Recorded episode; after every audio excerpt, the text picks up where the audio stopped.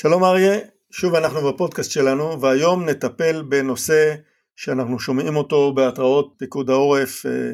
כמעט כל יום, התראות של כלי טיס עוין. אנחנו זוכרים שלפני חודשיים כשהייתה התרעת כלי טיס עוין כל הצפון נדלק וכמעט כל הארץ. לאט לאט ההתראות האלה התכנסו לאזורים יותר מוגדרים וכיום כשיש התרעת אה, כלי טיס עוין בסופו של דבר זה מקבל קצת הדהוד באולפנים הפתוחים אבל אנשים אה, יודעים לקחת את זה בפרופורציה.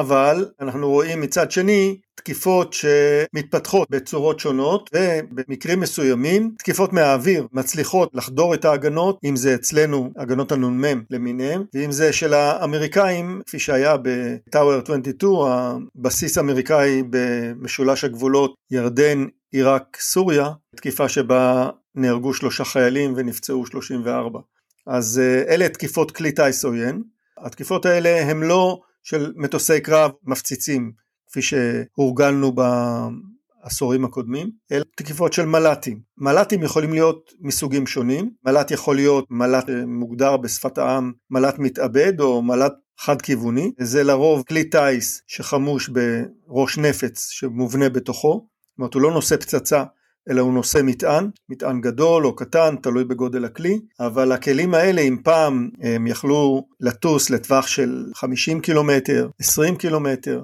100 קילומטר במקרה הכי ארוך, היום הכלים האלה בנויים לטוס אה, מאות ואפילו אלפי קילומטרים, הפשוטים ביניהם מצוידים במנוע בוכנה, המתוחכמים יותר במנוע סילוני, הם אה, משוגרים באמצעות אה, רקטה,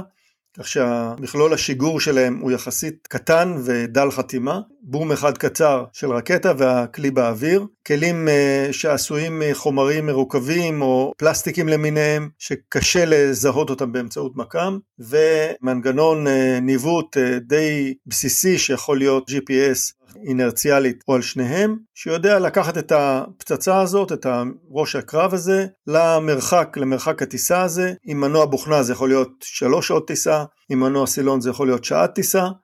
אבל כלי הטיס הזה יכול להביא את החימוש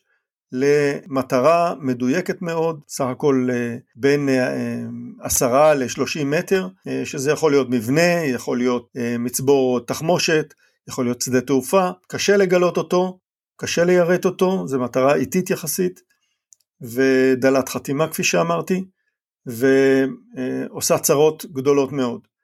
מעבר למל"טים הגדולים האלה שהם אה, נושאי פצצה, יש מל"טים קטנים יותר, רחפנים או מל"טים שנושאים פצצות קטנות, שהם מונחים על ידי אה, מפעילים, לרוב מל"טים כאלה תוקפים בטווחים קצרים יחסית, אבל מכיוון שהם מנוהגים על ידי מפעיל מרחוק, הם אה, פועלים ממש כמו מטוס קרב,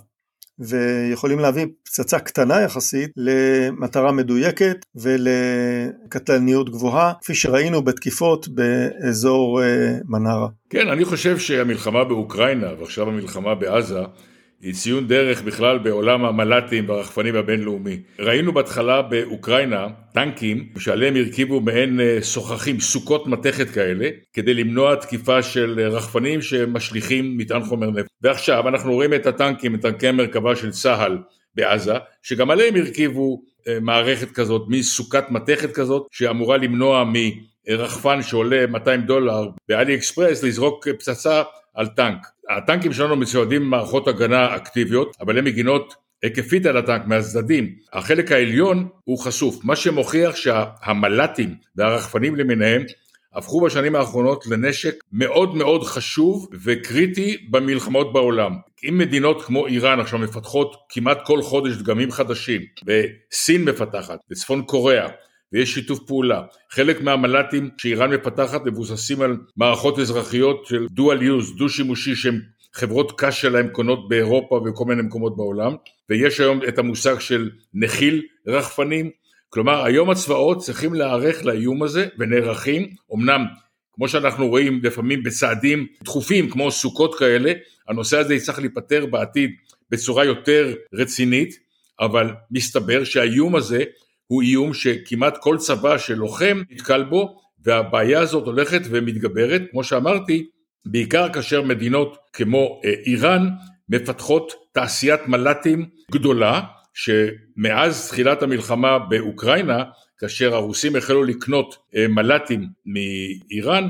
בכספים האלה הם משכילים לפתח מערכות חדשות יותר מתקדמות ובעיקר זולות. ולכן האיום של רחפנים ומל"טים הוא איום שבשנים הקרובות יצטרך לקבל פתרון בכל צבא מתקדם בעולם. אנחנו נמשיך לעקוב אחרי הנושא המרתק הזה ונעדכן אתכם באחד מהפודקאסטים הבאים שלנו. תודה תמיר.